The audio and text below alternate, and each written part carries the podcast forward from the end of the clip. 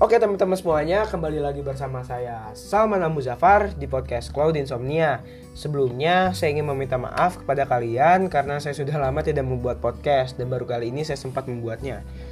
Sedikit cerita kenapa saya tidak membuat podcast karena hari raya Idul Fitri yang kebetulan juga saya mudik ke Sumatera dan juga saya mengurusi berkas-berkas untuk saya melanjutkan sekolah ke jenjang SMA. Dan yang terakhir karena saya ingin menikmati masa-masa liburan bersama teman dan keluarga saya tentunya. Oke, pada kali ini saya akan membahas perihal mantan. Sesuai request kalian yang telah saya buat di Instagram. Oh iya, bagi yang belum follow, jangan lupa follow Instagram saya @salmanamzr supaya kalian yang mendengarkan podcast saya bisa ikut berpartisipasi untuk memberi saran topik untuk uh, podcast-podcast saya selanjutnya.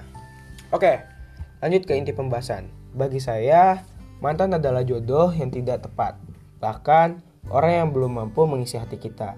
Karena jika seseorang itu menjalankan komitmen dengan baik, tidak akan ada perpisahan. Namun, tak terlepas dari itu, kita juga sebagai pasangan harus menjalankan komitmen dengan baik, serius, dan tulus menjalankan suatu hubungan.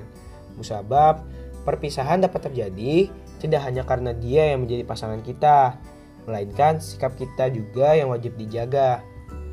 Oke, mantan tidak selalu menjadi musuh. Ingat, kalian pernah sayang padanya, dan dia juga pernah sayang kepada kita. Mantan tetap teman, bahkan sahabat kalian yang jangan kalian jauhi.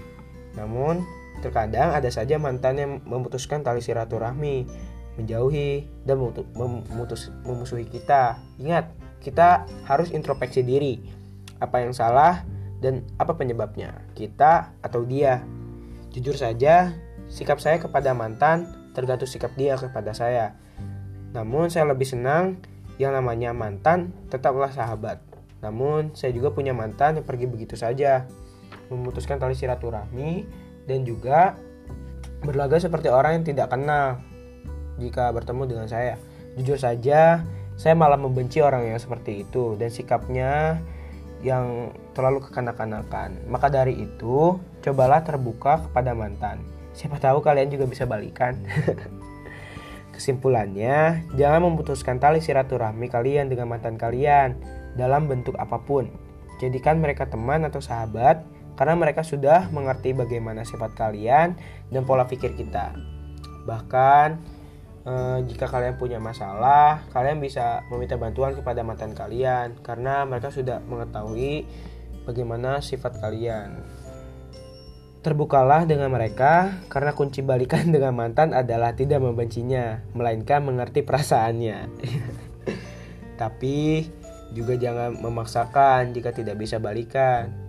Karena banyak orang lain di luar sana yang mungkin jodoh kalian yang mungkin ada di antara mereka.